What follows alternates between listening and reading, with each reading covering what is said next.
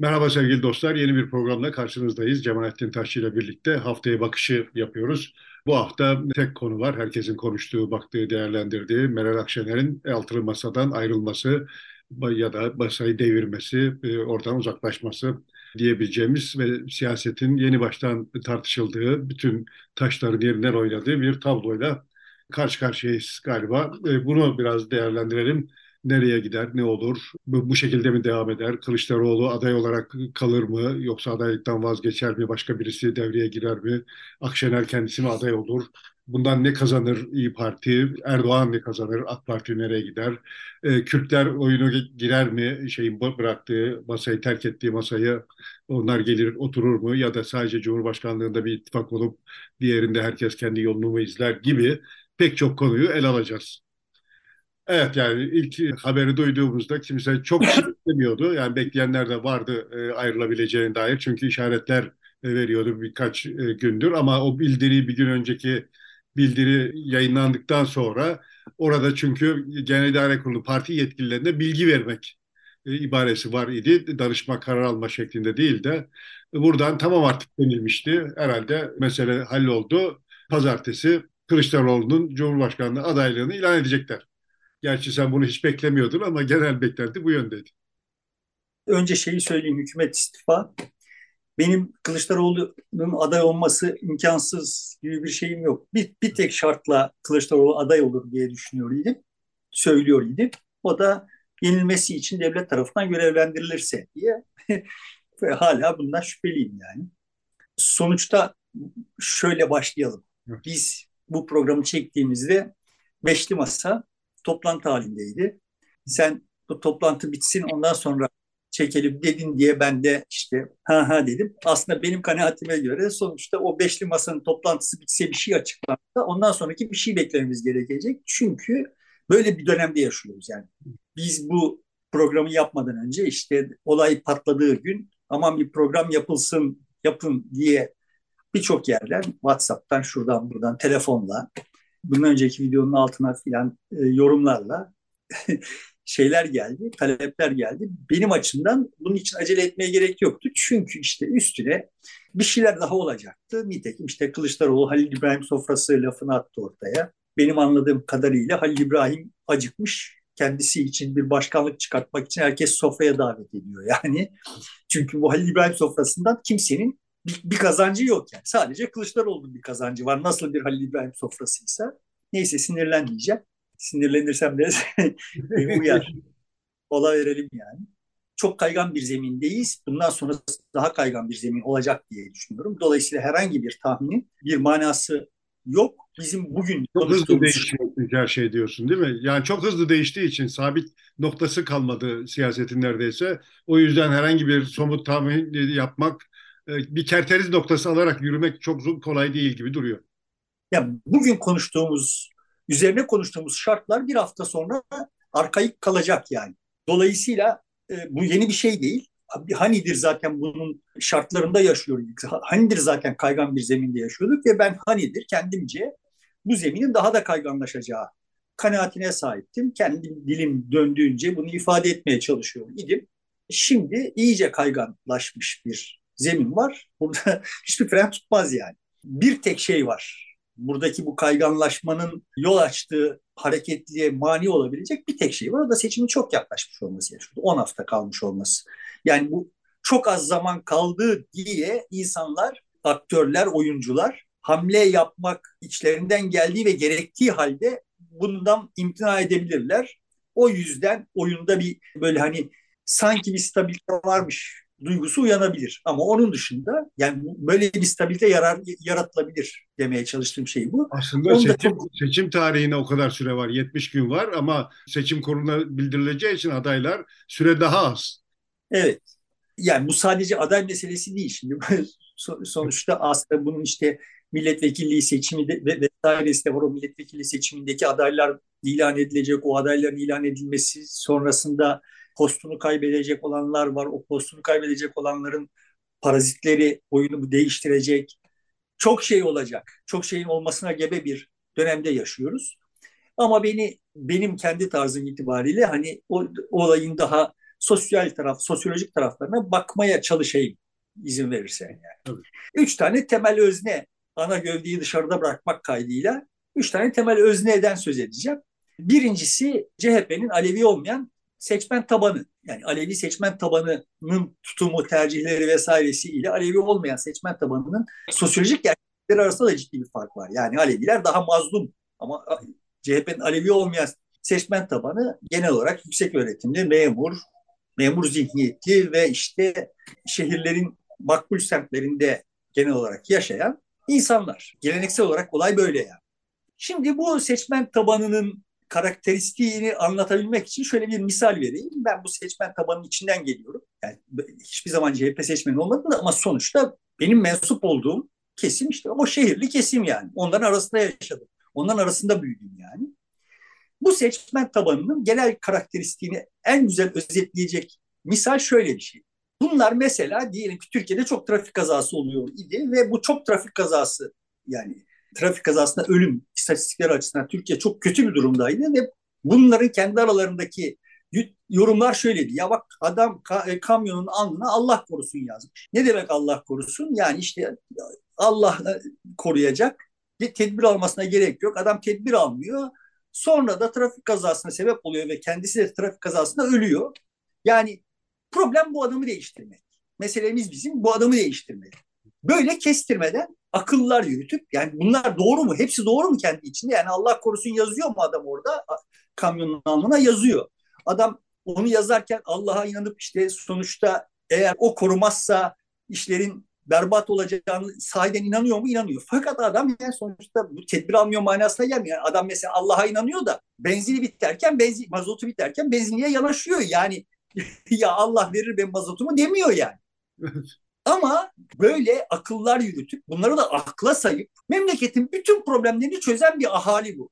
Yani CHP'nin Alevi olmayan tabanı böyle bir ahali. Bütün Türkiye meselelerini ve hatta dünya meselelerini böyle çok akıllıca görünen, kendilerine çok akıllıca görünen formülasyonlarla çözmüş bir şey. Şimdi bunlar da ağırlık, bunların ağırlıklı bir bölümü Kılıçdaroğlu'nun aday olmasını istemiyor. Ve bunların ağırlıklı bir bölümü İyi Parti'ye ve Akşener'e oy vermeyecek oldukları halde Akşener'i Kılıçdaroğlu'nun adaylığını engelleyecek son oyuncu, son barikat olarak görüyor idiler. Bunu ben ben iddia etmiyorum. Kendileri zaten böyle konuştuğumuz zaman tablo buydu yani.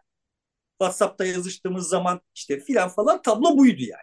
Akşener'in çıkışının arkasında yatan temel sebebin bu olduğuna geleceğim yani. Sonra sor, sor bana niye, neden yaptı Akşener bunu diye.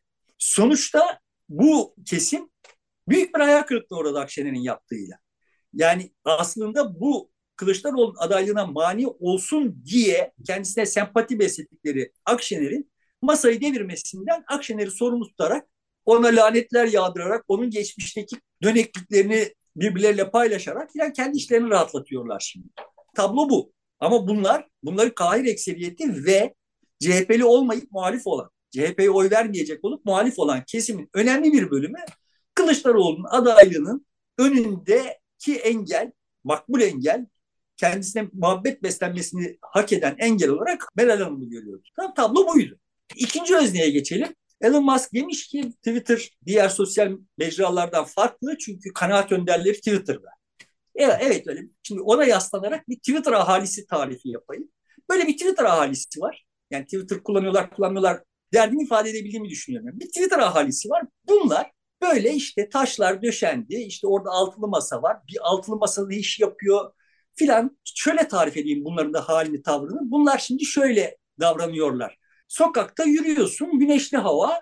Bunlar şemsiye açmışlar. Niye şemsiye açık diyorsun? Çünkü meteoroloji demişti ki bu saatte yağmur yağacak. Neyse 4 saat sonra dönerken yine bunlarla karşılaşıyorsun. Şakır şakır yağmur yağıyor. Ellerinde şemsiye kapalı. Kardeşim şemsiyeni niye açmıyorsunuz? E, meteorolojiye göre bu saatte hava açık olacak, güneşli olacak. Şimdi dünyayı böyle okuyorlar. Yani ellerinde bir kılavuz var. Bu kılavuzla yani bir şeyler okumuşlar, ezberlemişler falan. O kılavuzlarla bir dünya okuyorlar. Realite ona uymadığı zaman realitenin ona uymadığının farkında değiller. Yani sırılsıklam oluyorlar. Bizi dolandırmıyorlar. Kendileri farkında değiller. Yani altılı masa şunları yapıyor ve şunları yapacak. Sonuçta ne olacak? Sonuçta işte Erdoğan devrilecek. Tamam bu altılı masa bu Erdoğan devirecek. İyi de yani bu yapılan işler Erdoğan'ı devirmeye yetecek çapta mı? Ya orası bizi bağlamaz. Meteoroloji raporuna göre diye yani bu böyle hani YouTube televizyon kanalları vesaire dahil ya da internet gazeteleri de dahil tablo böyle yani. İyi de bak bu söylediğiniz bu sebeplerle olmaz. Bir sebep sonuç ilişkisi yok diyorsun. Yok öyle öyle değil diyor. Bak kitapta öyle yazıyor diyor. Bir yıl referanslar veriyorlar yeri geldiğinde filan. Şimdi bunlar bütün e, kendi yatırımlarını da, duygusal yatırımlarını da, toplumun duygusal yatırımını da altılı masanın dağılmayacağı üzerine yapmışlar. Dağılmaz. Neden dağılmaz? Çünkü bunu bozan kaybeder. O halde kimse bozmaz. yani şimdi böyle bir akıl yürütme. Bunun aslında insanların kayıplar arasından daha az kaybı seçmek zorunda kalabileceği vesaire falan falan bir şeylere kafaları basmıyor yani. Herhangi bir şeye kafaları basmıyor. Ama böyle birbirleriyle paslaşa paslaşa kendilerini gaza getirip hayranlaşarak ve birbirlerine referans vere vere çoğalıp duran bir güruh bu ve bunlar dumura uğradılar. Onların önemli bir bölümü Kılıçdaroğlu'nun adaylığını satın almıştı. Yani neden satın almıştı? Neden Kılıçdaroğlu'nu Cumhurbaşkanlığına, Cumhurbaşkanı adaylığına ve sonrasında Cumhurbaşkanlığına layık görüyorlardı. Çünkü altılı masayı bir arada tutuyor. Şimdi altılı masada aldı. Vay Kılıçdaroğlu sen, sen bize söz vermiştin bu altılı masayı bir arada tutuyordun tutacaktın. Beceremedin bu işi deyip ona yüklenmiyorlar. Meral Akşener'e yükleniyorlar. Böyle tuhaf bir kafaları var. Üçüncü özne benim hakkında konuşmaktan çok hoşlanmadığım yani şimdiye kadarkiler iyi kötü sosyolojik özneler yani. Çünkü o Twitter ahalisi de bir sosyoloji artık. kendi payına, kendi içine kapalı bir tuhaf sosyoloji o. Üçüncü özne Kılıçdaroğlu ve nomenklaturası. Etrafındaki zevzekler. Bunları nasıl tarif edebiliriz? Şöyle tarif edebiliriz. Yani Kılıçdaroğlu okulun müdürü, diğerleri okulun öğretmenleri. Okulun bir fonksiyonu olmak gerekiyor değil mi? Yani öğrenciler de öğrenme yaratacak. Şimdi bunlar öğretmenler odasına o, o toplanıyorlar. Öğretmenler odasının badanasına bakıyorlar. Badanada bir eskime varsa bir komisyon kuruyorlar. Birilerini görevlendiriyorlar. İşte o badana sınıflar içinde hemen öğretmen odasında böyle bir şey varsa hemen sınıflara da bakıyorlar filan. Tuvaletleri düzenli denetliyorlar. Oturuyorlar.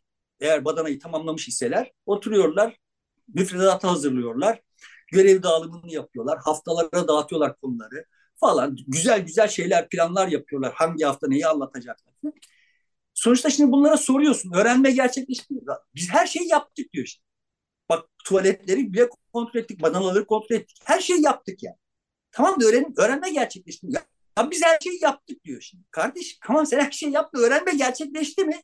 E, gerçekleşmediyse o öğrencinin sorunu. Bu kadar kestirme, bu kadar rahat, akıl yürütüyor olan bir seçkin zevat var. Bak ben son derece basit bir soru sorayım sana. Erdoğan deprem bölgesine gecikmeli gitti.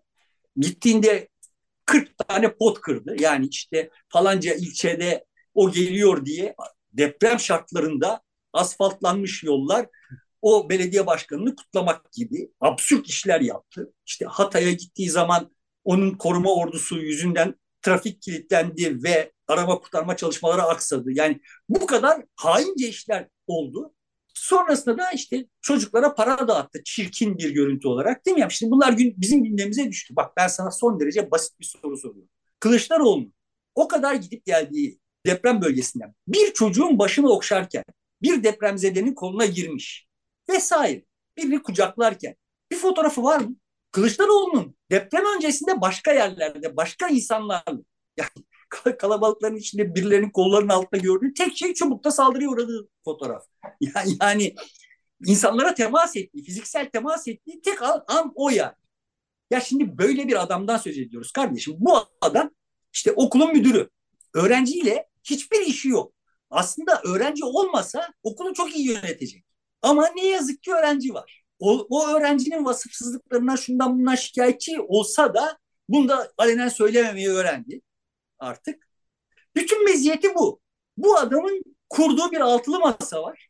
Ön ayak olduğu bir altılı masa var ve bu altılı masa çöktü. Bütün performansı yani 10 küsür yıllık siyasetçi, genel başkan olarak performansı olarak ortaya sürebileceği bir tek şey var. Altılı masa ve o altılı masa çöktü.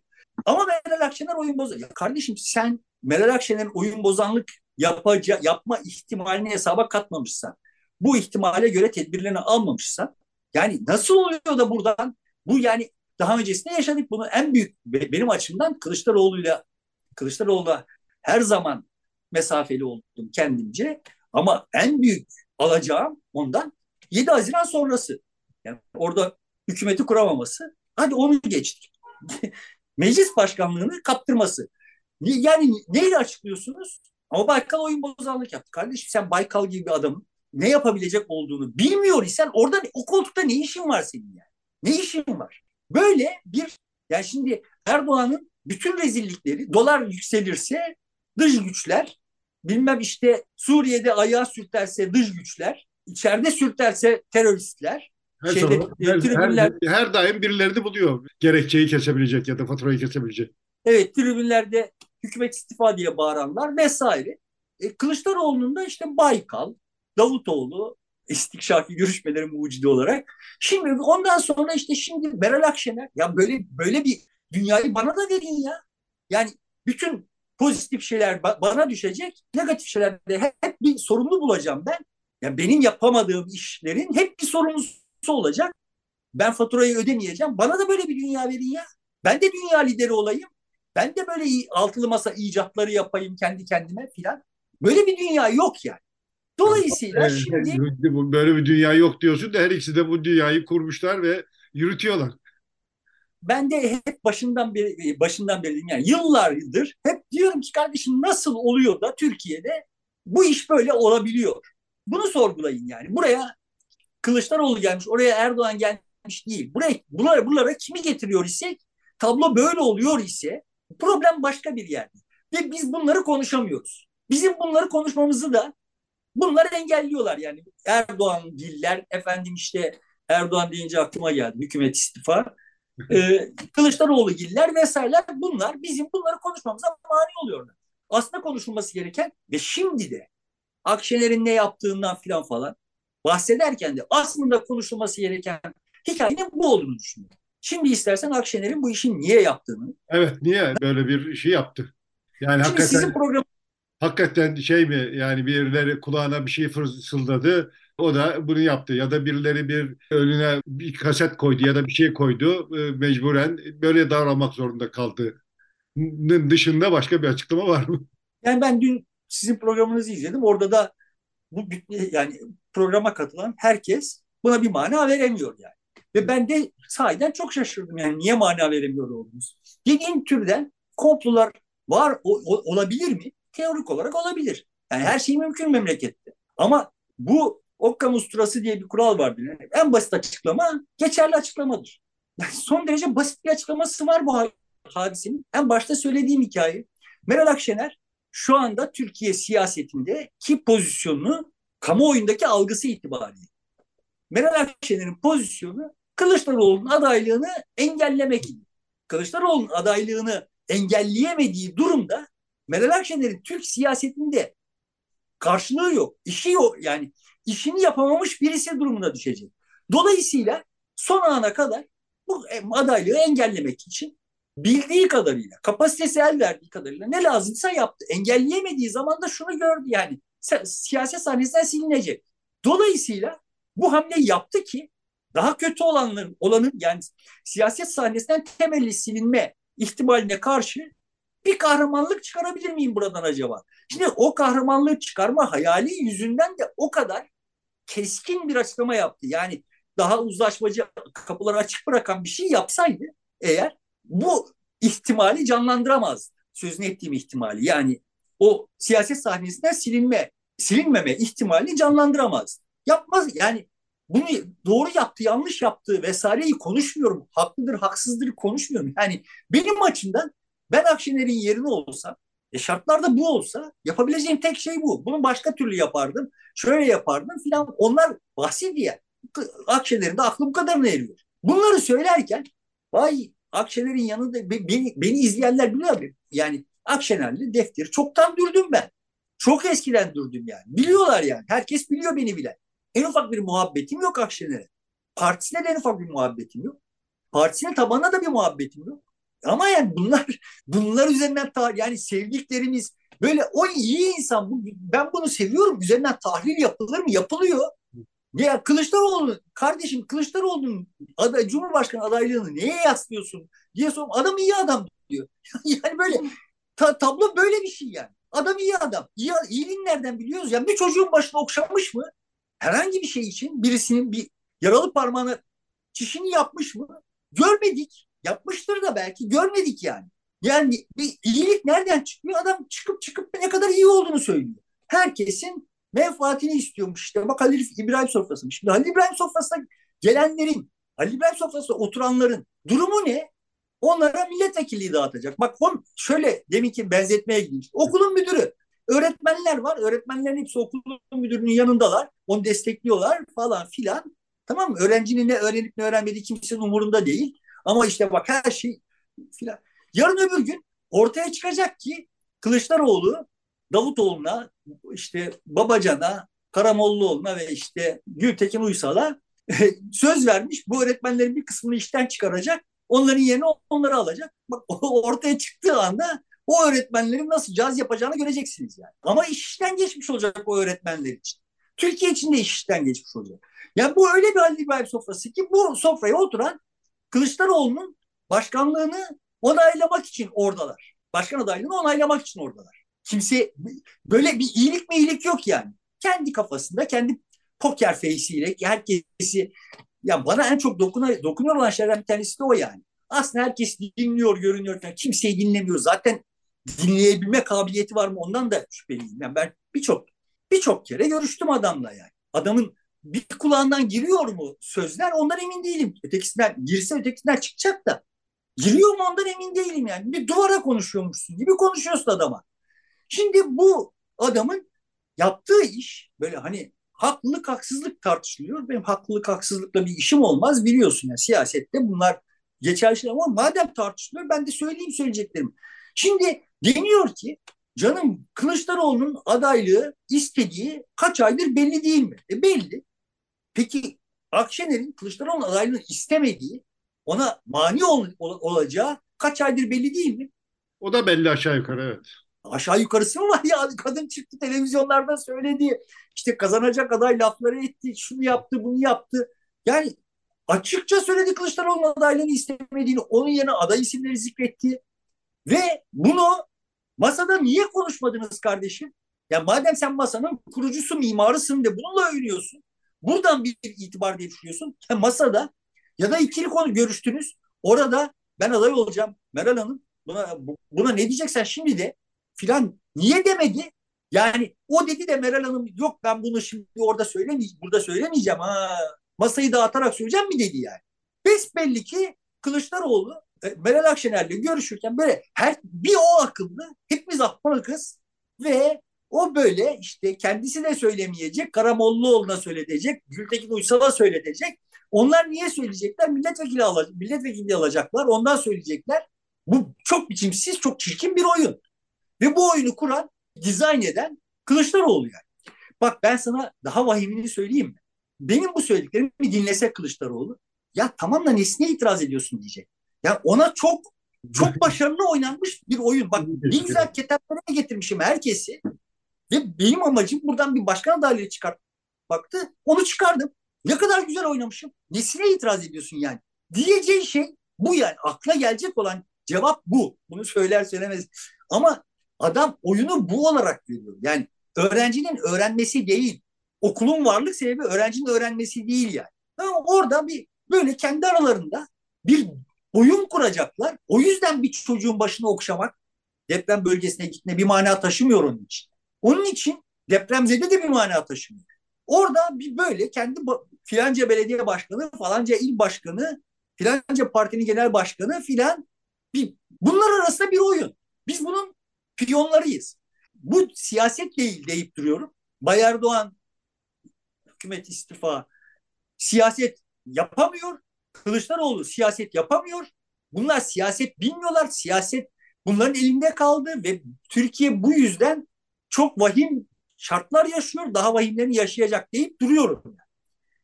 Ve buradan yani Kılıçdaroğlu'nun adaylığına ben şiddetle muarızım. Şiddetle başından itibaren muarızım. Bir akıllılık gösterip olmayacağını düşünüyor idim. Ama niye muarızım? Birincisi bu seçimi kazanamaz. Yani Kılıçdaroğlu aday olduğu ve tek aday olduğu durumda. Yani bu bu seçim iki adaylı Erdoğan ve Kılıçdaroğlu arasında bir seçim olduğu durumda Kılıçdaroğlu bu seçimi kaybeder. Hayatta kazanmış olduğu bir seçim yok adam. Bu seçimi de kaybeder. Ya ama bak şu kadar yeni seçmen var, şu kadar işte gençler arasında AKP'nin durumu bu işte üstte ekonomik filan ayrıca işte içinden iki tane parti çıktı filan böyle aritmetikler yapılıyor bak oyun böyle oynanmıyor. tamam ya yani sonuçta oyun şöyle şöyle oynanıyor yani. Hepimizin kafasında öyle veya böyle bir takım şeyler uçuşup duruyor. Sandığa gittiğimizde bu uçuşup duranlardan bir şey süzüp bir karar vereceğiz yani. Her birimiz bu durumdayız. Bazılarımız bazı faktörleri önceliyorlar. Bazı faktörler diğer bütün faktörlerin önüne geçiyor.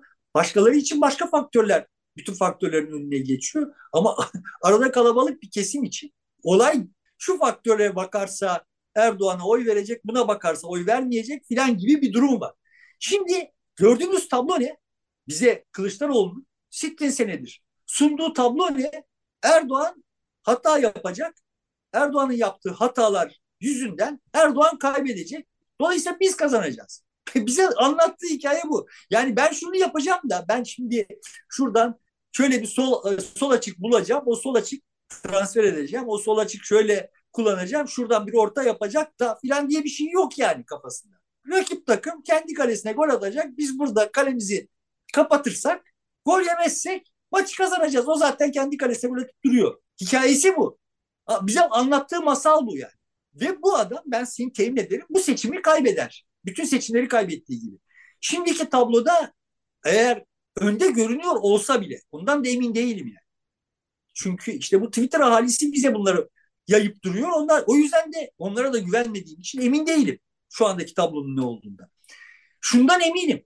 Doğru dürüst bir muhalefeti olsa memleketin Erdoğan şu anda seçime aday olmaya cesaret edemez, cüret edemez. Yani bu kadar vahim hatalar yapmış olan bir iktidar bir sonraki seçimde iktidar olmayı hayal edemezler. Normal bir sıradan bir muhalefeti olsa ve o yok kardeşim. yani dünyanın herhangi bir yerinde yerinden yani şimdi yabancı futbolcu ithal edebiliyoruz. Yaba, yabancı siyasetçi ithal edebilsek yani Litvanya'nın falanca kasabasında filanca partinin ilçe başkanını getirip koysak Erdoğan devirir. Ama böyle komik hiçbir şey yapmadan CHP Genel Başkanlığını korumuş olması üzerinden yani o nasıl oluyor? CHP Genel Başkanlığını nasıl koruyor? Yani karşısına çıkan rakipleri rakiplerle böyle mertçe dövüşüp falan falan seçim alıp da CHP Genel Başkanlığını korumuyor yani. Kimlere paye dağıtmışsa onlara diyor ki bunun için imza vermeyeceksiniz. Aday olamayacak. Çünkü aday olursa biliyor ki o imza vermiş kendisinin bir yere yerleştirmiş olduğu insanlar kendisine kendisini devirecekler. Şimdi bu şartlarla CHP Genel Başkanlığı'nı muhafaza etmiş ve sırf CHP'nin pozisyonu üzerinden de ana muhalefet olmayı sürdüren adam bize buradan aday çıkacak ve Erdoğan'ı yenecek. Defalarca yenildiği Erdoğan'ı yenecek yani. Bu iş ham hayal. Benim bildiğim psikolojik şartlar itibariyle ham hayal ama yani bu hayal kuruluyor. Yani bir biçimde işte o Twitter ailesi bu hayali kuruyor, empoze ediyor. Kamuoyuyla teması olan herkes biliyor ki bu iş riskli. Dolayısıyla Kılıçdaroğlu aday olmasını istiyorlar. Kamuoyuyla yani sıradan insanla temas olan herkes şimdi gelelim. Peki niye Kılıçdaroğlu istenmiyor? Aday olması istenmiyor. Alevi olduğu için. Şimdi sen şahitsin. Ben dedim ki Kılıçdaroğlu'nun aday olmasını ve seçimi kazanmasını en çok Alevi olması yüzünden isterim. Tamam yani Kılıçdaroğlu'nun Alevi olarak bu seçimi kazanması benim açımdan Türkiye'nin üzerinden çok büyük bir yükün kalkması demektir. Yani Türkiye'de Sünni çoğunluk denen çoğunluğa yapıştırılan bir biçimsizlik, yani mezhep, mezhepçilik ortadan kalkar. Ne güzel olur yani. Şimdi bu ahali böyle mezhepçilik yapıyor. İşte zaten o yüzden belimiz doğrulmuyor diyenlerin bir kozu ellerinden gider. Hani ne olur o bir kozlar ellerinden gidince aa bak ulan biz ne kadar yanlış düşünüyormuşuz bu millet ne kadar aziz bir milletmiş filan derler mi demezler. Yani bu sefer de başka bir şeyine takarlar da hiç değilse bundan kurtuluruz gibi bir şey bir şeyim var, bir, bir bakış açım var. Adaylığını aday olursa seçimi kaybetmesinin sebebi Aleviliği olmayacak. Türkiye toplumunu benim bildiğim bu şu gelmiyor. Adam aday olursa, tek aday olursa Erdoğan'ın hampaları camilerde, kahvehanelerde yani kendisi söz verdi. Verdiği hangi söz tuttu bilmiyorum ama hani diyelim bu sözü tuttu ve meydanlarda Kılıçdaroğlu'nun Aleviliğine dokunmadı diyelim. Ama kahvehanelerde, camilerde bu konuş, bunu konuşturacak. Bu anlamda e, Kılıçdaroğlu'na mesafeli olacak. Alevileri, Ale, Aleviliğe mesafeli olanlar var mı Türkiye'de? Var. Bunlar ama zaten zaten Kılıçdaroğlu'na oy vermeyecekler. Yani adam Alevi olmasa da oy vermeyecekler yani. Onların adresi belli ve onlar bu seçimin sonucunu değiştirecek özde değiller. Dolayısıyla seçimi kaybetmesi Aleviliği yüzden olmayacak. Seçimi kaybetmesi CHP'li olması yüzünden de olmayacak. Yani şöyle bir düşünce deneyi. Alevi bir CHP'li veya CHP Genel Başkanı Türkiye'de pekala şu şartlarda eze eze seçim alabilir. Kılıçdaroğlu alamaz. Kılıçdaroğlu olduğu için alamaz. Alevi olduğundan, CHP'li olduğundan değil. Kılıçdaroğlu olduğu için alamaz. Adam siyaset yapmıyor. Temel meselemiz bu. dönüp dönüp dolaşıp aynı şeyi söylemek zorunda kalıyor. Ama asıl mesele seçimi kazanamaması da değil. Diyelim ki har, harp oldu, darp oldu. Millet hakikaten Bay Erdoğan'dan o kadar sıkı sıyrıldı ki Kılıçdaroğlu seçildi diyelim. Sıkıntımız orada şu olacak yani. Kılıçdaroğlu o koltukta iki yıl oturamaz. Yani bu kafayla böyle ahaliyi dışarıda bırak. Bizim şimdi şöyle söyleyeyim yani. Seçim sonrasında iktidara gelecek olanların önünde öyle bir enkaz var ki yani ekonomik enkaz, depremin enkazı, e, sosyal enkaz, eğitim kurumlarından bilmem işte şehirciliğinden vesaireye say. Elimizde tutunabilir hukuktan hiçbir şey yok yani. Mu muazzam. Türkiye Cumhuriyeti tarihini gördüğü en büyük enkaz var şu an. Bu enkazın altından kalkmak iktidarın en azından hani başka her şeyi geçtim en azından muazzam bir zamana ihtiyacı olmasını gerektirecek. Toplumun muazzam fedakarlıkları gerekiyor vesaire. Burada çok ciddi toplumsal destek almış. Yani toplum öyle bir destek verecek ki birilerine o orada kısa bir süre içinde bir ferahlık yaratamıyor olsa bile o kredisini geri çekmeyecek. Dolayısıyla toplumun oyuna katılmış olması gerekiyor. Toplum oyuna katılamaz ise eğer ne olacak? İki, iki yıl içinde seçtiğini derdest edecek ve Kılıçdaroğlu kafasında birisi toplumdaki o karıncalanmaları onlara hassasiyeti bile olmadığı için, onların farkına bile varmadığı için onları yönetmeyi hiç beceremeyecek. Öyle işte bakanlarını, polis müdürlerini falan falan yönetmek yönetmek zannettiği için sonrasında toplum bir daha sandığa gittiği zaman olağanüstü otoriter birilerinin arkasından sürüklenecek. Bugünleri arayacağız yani. Dolayısıyla Kılıçdaroğlu'na şiddetle karşıyım. Bu, bu sebeplerle karşıyım. Yani bize bu toplumla oynamayı yani topluma hiç değilse kendisiyle oynuyor intibağı vermeyi önemseyen oyunculara ihtiyacımız var. Ama en olmayacak memur şimdi buradan kendi adaylığını çıkartmak için bütün taşları dizdi. taşlar yerine oturacak demiş. Oturdu bütün taşlar yerli yerine yani. Kılıçdaroğlu'nun taşları oturdu. Toplumun taşları oturmadı yani. Ama adam zaten toplumun da bir hayatiyeti olduğu, onun kendi dinamikleri olduğu falan farkında değil ki. Bunu hayatı boyunca düşün, böyle düşünmemiş yani. O amirler, memurlar işte bir de böyle arada bir gelen ahali var. İşte bir yerlerine mühür vurulacak. O onu öyle görüyor yani. Dolayısıyla çok acıklı bir yere doğru gidiyoruz. Ama diyelim ki şimdi Kılıçdaroğlu aday olmadı. Senin de tarif ettiğin şekilde halkı seferber edecek, onunla oynayacak bir adayın çıkması ihtimali de yok gözüküyor. Öyle bir e, figür de ortada yok. Olsaydı zaten oynayacak o toplumla ve çıkacak. Var öyle yok. Yani çıkarsa eğer oyunu böyle oynayabilecek oyuncular var. Ya, yani adı dolaşanlar içinde var, dolaşmayan birçok kişi de var. Yani sonuçta tablo şöyle bir şey. Kılıçdaroğlu hariç kim olsa mecburen ya Kılıçdaroğlu şimdi niye böyle oynayabiliyor? Çünkü elinde CHP Genel Başkanlığı gibi böyle korunaklı bir alan var. O yüzden o yüzden böyle oynayabiliyor. ben seni çıkartsam Millet İttifakı'nın adayı Celal Kazdağ'dır desem mecburen kamuoyundan kamuoyunun desteğine ihtiyacın olacak. Yani eğer şu rahatlıkta değilsen ya zaten bu şartlarda kim olsa kazanır. Ben de kazanırım deyip sivil sotelerek çekilmeyeceksen eğer sonuçta ister istemez kamuoyunu agite edecek, onu heyecanlandıracak bir şeyler yapman gerekecek. Kim olsa bunu yapmak zorunda kalacak yani. Diyelim ilan kesici şimdi çıksa, aday olsa bunu yapmak zorunda kalacak. Yani bak ben sizdenim ha, sizinle beraberiz ve beraber bunu bu enkazı kaldıracağız. Bana şöyle bir kredi açmanız gerekiyor filan diyecek ister istemez. Bunu bu kelimelerle söylemese Dolayısıyla herkes için, her muhtemel aday için tablo böyle bir şey. Ama Kılıçdaroğlu için öyle değil. Kılıçdaroğlu için teorik olarak öyle de seçim almak için. Ama pratikte öyle değil. Adam zaten pratikte de öyle olsa bile adam o oyunu oynamayı bilmiyor. Meselemiz burada. Adam o oyunu oynamayı tercih etmiyor diyemiyorum yani. Adam bilmiyor. Oyunun öyle oynanması gerektiğini bilmiyor. Tam da doğru oyun oynadığını zannediyor. Sıkıntımız buradan kaynaklanıyor yani. Ve bu nedense nedense de yanlış bir tabir. Çünkü işte memleketin böyle Twitter ahalisinin bu işlere kafası basmıyor. Bu işlerle ilişki, ilişkisi yok. Yani adamlar haklılık, haksızlık konuşuyorlar. iyilik, kötülük konuşuyorlar. Yani yani hakikaten cinnet yani. Ya ciddi ciddi tahlil yazıyor adam. Gazetede köşe yazıyor falan falan ve Akşener'in ne kadar kötü olduğu, Kılıçdaroğlu ne kadar iyi olduğu falan gibi analizler bunların üzerinden yani. Vay vay ne, ne biçim kazık attı Akşener Kılıçdaroğlu. Kardeşim kazık yiyen de yemesin ya. Yani ka, burada kazık yiyen bir budaladır.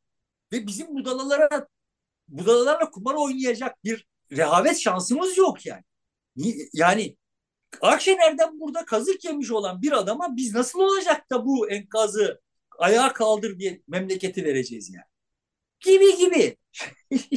Şimdi Akşener hikayesine gelelim. Yani Akşener buradan bir şey çıkarabilir mi? Teorik olarak pratikte şu andaki tabloya baktığımız zaman Akşener kapana sıkışmış durumda. Evet. Yani ne olmuş oldu? Akşener'e Akşener'i Kılıçdaroğlu'nun adaylığını engelleme takozu olarak bakıp muhabbet besleyenler Akşener bu işi yapınca o sen masayı niye devirdin moduna geçtiler. Dolayısıyla şimdi Akşener onların onları satmamak için bir şey yaptı. Onlar Akşener'i sattılar. tamam Bu da oyunun kuralıdır. Yani bunu yapanlar niye böyle yaptılar, ayıp ettiler falan var. Vay ne kadar büyük haksızlık falan gibi bir şeyler söyle değilim. Ya bu hak meselesini zaten, hak meselesinden ikrah geldi zaten yani de. Neyse sonuçta ama tablo şu. Akşener buradan sonra oyununu doğru oynayabilir ise ben seni temin ederim ki bir hafta içinde ya Kılıçdaroğlu da adaylık için niye bu kadar ısrarcı kardeşim gibi şeylerle başlayan ve burada aslında Akşener'i masadan kalkmaktan başka bir seçenek Akşener'e masadan kalkmaktan başka bir seçenek bırakmayan Kılıçdaroğlu gibi şeyler yeşermeye başlayacak. Bunlar en altta kamuoyunda varlar. Yeterince güçlü değiller. Yani benim en başta saydığım üç özne yani CHP'nin Alevi olmayan tabanı artı Twitter ahalisi artı işte CHP elitleri dışında geniş bir kesim var. Bu geniş kesimin önemli bir bölümü Erdoğan'a her halükarda oy verecek. Tamam ama onun dışında potansiyel olarak Erdoğan'ı devirmek için kendilerine ihtiyaç duyuluyor olan ciddi bir kesim var ve bu kesimin de önemli bir bölümünü Kürtler oluşturuyor. Tahminen Kürtler Akşener'in oyundan çıkmasından memnun olmuşlardır. Evet öyle gözüküyor. Ve işte bir ihtimalle bu Akşener'in boşalttığı koltuğu HDP'nin doldurma, doldurabileceği yani görünür veya görünmez olarak doldurabileceği gibi bir takım e, hayaller kuruluyordur. Bir ihtimal HDP buradan aday çıkartmayarak bu algıyı da besle, besleyebilir. Bunun doğuracağı sonuçlar vesaireler falan Akşener'i hiç beklemediğiniz kadar ciddi bir aktör haline getirebilir 10 gün içinde yani. 15 gün içinde. Bu ol, olur diyemiyorum. Çünkü Akşener'in de çok akıllı bir oyuncu olmadığını düşünüyorum. Akşener'in yanındakilerin onun kadar bile aklı olmadığını düşünüyorum. Dolayısıyla bu olur diyemiyorum. Ama böyle şimdiki parselasyona bakıp böyle oradan şu kadar CHP'nin zaten kemik oyu var. Üstüne de bu kadar Kürt, şu kadar da genç falan falanların ahmakça hesaplar olduğunu bunların bunların benzerlerini beş yıl önce Muharrem İnce şeyleri doldururken, miting meydanlarını doldururken aynı ahalinin aynı hesapları yaptığını hatırlatayım yani. Şimdi Muharrem İnce'nin ortak aday gösterilebileceği Meral Akşener tarafından diğer partilerle birlikte onun Cumhurbaşkanlığını öne çıkaracağı gibi tahminler de, değerlendirmeler de yapılıyor. Yani ben şimdi aslında kendimi çok utanılacak pozisyonda yakalıyorum bugünlerde.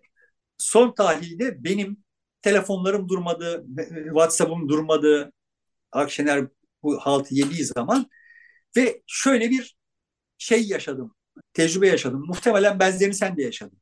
Muhalif olan, muhalif olanlar arıyor tabii olarak ve hemen herkes karıya bak ne yaptı, bizim başımızı derde soktu, şimdi ne olacak diye böyle bir şeyle başlıyor. Beş dakika sonra tablo şöyle oluyor. Ben, bütün bu iş belki de hayra vesile. Herkesin bu hayra vesile derken kastı başka. Yani bir kısmı ha, burada bir takozdan kurtulduk. Bir kısmı ya işte burada Kılıçdaroğlu artık adaylık ısrarından vazgeçmek zorunda kalır. Bir, herkesin bir başka ümidi de var. Yani herkes şunu bir biçimde hissediyormuş yani. yani bu stabil oyun aslında o kadar da ümit var değildi. Ama şimdi masa devrildi. Yani masa altılı masayı kastetmiyorum. Yani üzerine oyun oynanan masa devrildi. Şimdi buradan yeni bir şey çıkabilir. Ben de buradan yeni bir şey çıkabilir diye bakıyorum ve bunu yeni bir şey çıkabilir dediğim zaman nasıl çıkar? Yani Ümit Özdağ'dan, e, Muharrem İnce'den öyle hamleler gelir ki yani neyin nasıl kristalize olacağını tahmin edemeyiz. Ama öyle hamleler gelir ki oyun bozulur. Kılıçdaroğlu'nun oyunu bozulur yani. Ve ne olur? Bunları bilemeyiz. Sahadaki oyuncuların ne yapacağını bilemediğimiz için bilemeyiz yani. Bizim hiç aklımıza gelmeyen oyuncular da sahaya inebilir vesaire. Göreceğiz bunları.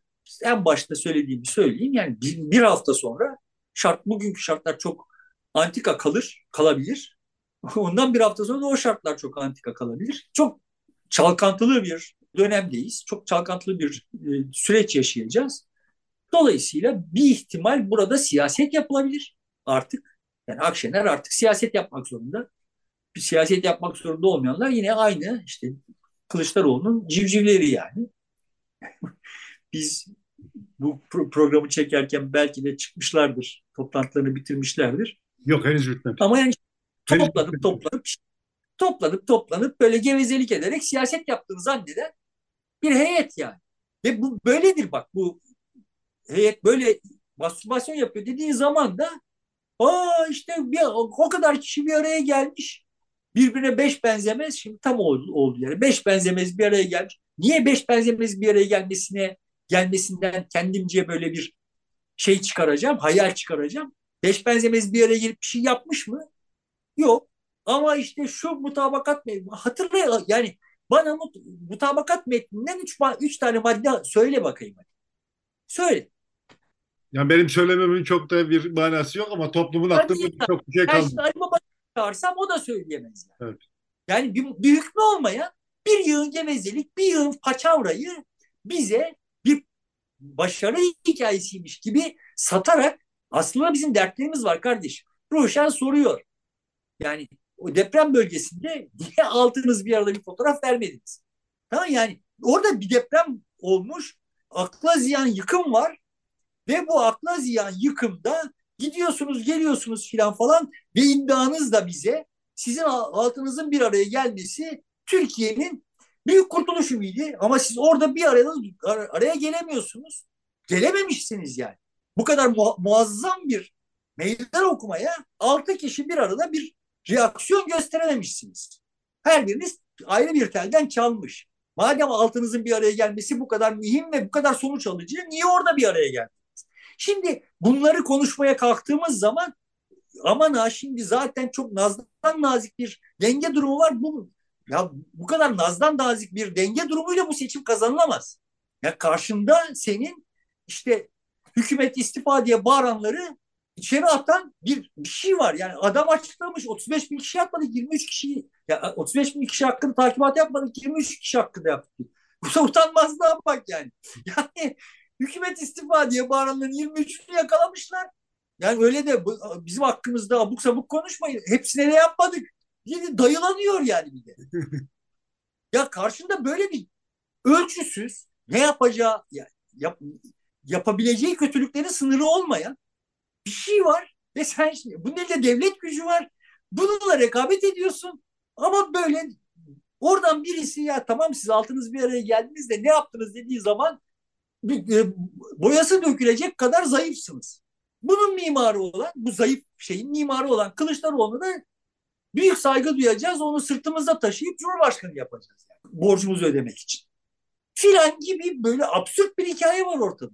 Meral Akşener'den çıktık geldik buralara. Şimdi evet Meral Akşener'e Meral Akşener'e hesap sorabiliriz. Yani evet diyebiliriz ki tamam sen Kılıçdaroğlu'nun aday olmasının önündeki takoz idin ve evet Kılıçdaroğlu'nu Kılıçdaroğlu da hiçbir yerde çıkıp da yekten ben adayım demedi ama bunun işaretlerini verdi.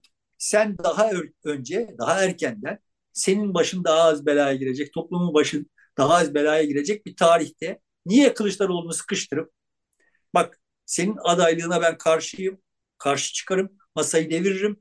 Bizim önümüzde değil yani. Kendi aranızda deviririm. Bunu aklından bile geçirme. Eğer geçiriyorsan ben şimdi ayrılayım demedin filan diye hesap sorabiliriz yani Meral Akşener'e. Ama sadece bu kadarını sorabiliriz. Yani onun ötesindeki şu, şu anda bitti e, Millet İttifakı'nın görüşmesi. Bir açıklama bekleniyor. yani yine Davutoğlu yazar herhalde. Davutoğlu yazmış o açıklamayı. Genelde o yazıyor diye bir kanaat var. Yok hani bu son işte. Evet o yazmış. Evet. Orada işte böyle siz hepiniz tamam buradan adaylık konusunda anlaşma var diye çıkartmışsınız. Ben ben onu çıkartmadım yani mesela o metinden yani. Öyle bir Davutoğlu mulaklığını koymuş. Neydi tabir orada? A- anlayış birliği. Anlayış birliği. Yani, niye anlayış birliği? Niye aday ismi üzerine anlaştık değil? De böyle bir anlayış birliği gibi bir laf var. Ha anlayış şimdi nereye çeksen uzayabilecek bir şey filan gibi ben ben böyle yorumlamıştım zaten yani. Ama herkes tabii istediği gibi yorumluyor. Anlaşılan o. Sonuçta buradan ha bir altılı masa devam ediyor duygusunun devamını isteyenler tamam şey e, Akşener caz yapmadı. Sonucunu çıkarmış. Ben Akşener caz yaptı sonucunu çıkarmadım. Bir, bir şey var yani burada. Bir tuhaflık var. Sonucunu çıkarmıştım. Sonumuz hayır olsun. Ne diyeyim yani. Toparlayabilir mi yani Akşener şimdi buradan bir iyi oynarsa çıkarabilir mi bir şey? kimlerle ittifak yapar ya da hangi e, e, kesimleri harekete geçirebilir? Toparlamak derken yani Akşener sonuçta anladığım kadarıyla 10 puana kadar düşmüş bir Hı. partisi var elinde. Yani daha önce konuştuk. Sonuçta bu e, altılı masa garabeti bütün partilerin kendi performanslarını degrade eden bir şeydi. Sonuçta kendi başlarına kalsalar Babacan bu kadar düşük oy almaz. Davut, Davutoğlu bile bir şey alır yani. Belki hani Gültekin alamaz ama kalanların hepsini işte ikişer üçer puandan bir, bir, bir karşılığı olur. Toplamları belki 10 puanı bulur. Ve Akşener'in partisinin oy oranı onlara falan düşmez. Kendi başlarına kalsalardı muhtemelen CHP bile bundan daha çok oy alır yani. Ama hep beraber bir arada hiçbir şey yapmayınca hep beraber yani hep beraber bir arada olunca hiçbir şey yapamıyorlar. Hiçbir kritik konuda hiçbir şey söyleyemiyorlar dışa dokunur. Böyle siyasetçilik üzerinden bir mutabakattı bu ve dolayısıyla hepsini degrade etti. Karşı taraf ahmakça işler yaptığı için bu bir şeymiş gibi göründü ama anlaşılan o ki mesela Muharrem İnce bile bunlardan çok sonra yola çıkmış olduğu halde ve sonunda çok elverişsiz bir zeminde yola çıkmış olduğu halde hatırı sayılır bir oy oranına ulaştı. Şey zaten ulaştı yani Ümit Özdağ. Yani e çünkü siyaset yapmak zorundalardı, yaptılar. Herkes zorunda ama yapamadılar. Dolayısıyla Akşener şimdi buradan itibaren neyi yapmış olursa bunu bu yaptığına değer bunu bilemem. Akşener kendisi aday olur. Görünen tablo öyle bir şey. Benim bende kalan intiba o yani. Akşener kendisi aday olur. Geçtiğimiz seçimdekinden daha yüksek oy alır. Partisi de 15-18 puan falan oy alırsa Akşener çıkıp kamuoyunun önüne bak ben doğru olanı yaptım deme şansına sahip olur. Ta, ya, yani aslında temelde Akşener'in partisinde de bir e, sıkıntı var.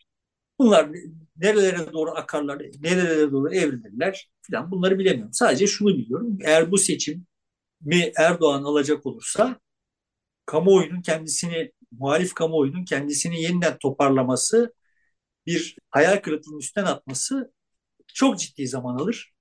Çok ciddi zaman gerektirir ve bu enkaz Erdoğan'ın da elini kolunu bağlayacağı için faşizmin tonu çok yükselir.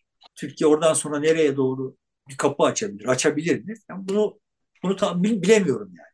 Kamuoyunun kamuoyuna güveniyorum ama kamuoyunun bütün kapıları kapalı iken ne olur? Yani Türkiye Türkmenistan'a dönebilir yani. Muhalefet kazandığı durumda, Erdoğan kaybettiği muhalefet kazandığı durumda bunun işte Kılıçdaroğlu'nun memur kafasıyla kazanıldığı durumda de, demin anlattığım senaryodan korkuyorum. Ama bir orada bir bir ihtimal doğar. Daha en başından beri bunu söylüyorum zaten. Yani muhalefetin kazandığı durumda kısa vadeli bir, bir ihtimal doğar. O ihtimal kapısını da deprem büyük ölçüde zayıflattı. Yani oradaki o kamuoyunun kendisini oyun, oyuna bir oyuncu olarak dayatması imkanları deprem yüzünden ciddi ölçüde daraldı. Deprem bir yani bir de böyle siyasette böyle bir etkisi oldu diye düşünüyorum. Ama yine de ha, ha, her halükarda başka da bir ümit görmüyorum yani. Oradan bir şey çıkarabilirsek diye bakıyorum. Akşener orada oyunu değiştirecek bir aktör, bir oyuncu olarak var kalmış olabilir. Yani normal şartlarda hiç oyunda olmayacakken ama şimdi eğer şurada başkan adayı olarak akabinde de işte parlamentoda geçmişe kıyasla daha yüksek bir performans sergilemiş bir oyuncu olarak çıkacak olursa ha tamam şimdi sıra filan gibi oyunu değiştirebilecek bir oyuncu olabilir. Bir ihtimal. Bu ciddi bir maharet gerektiriyor. Akşener'de bu maharet var mı? Bende kalan intiba yok ama can haliyle insanlar kendilerinde olmayan maharetleri sergileyebilirler yani. İstersen burada bitirelim. Şey beklemeye gerek yok. Çarşamba günü seçim 2023'te hem e, Kürtlerin durumunu, HDP'yi hem de yeni gelişmeleri değerlendiririz herhalde diye bakıyoruz. Çünkü öyle bir değerlendirme yapmamız gerekiyor. Hay hay o zaman bitirmeden önce hatırlatayım yani hükümet istifa. Evet hükümet istifa diyerek bu haftayı da bitiriyoruz. Yeniden görüşmek üzere. Şimdilik hoşçakalın.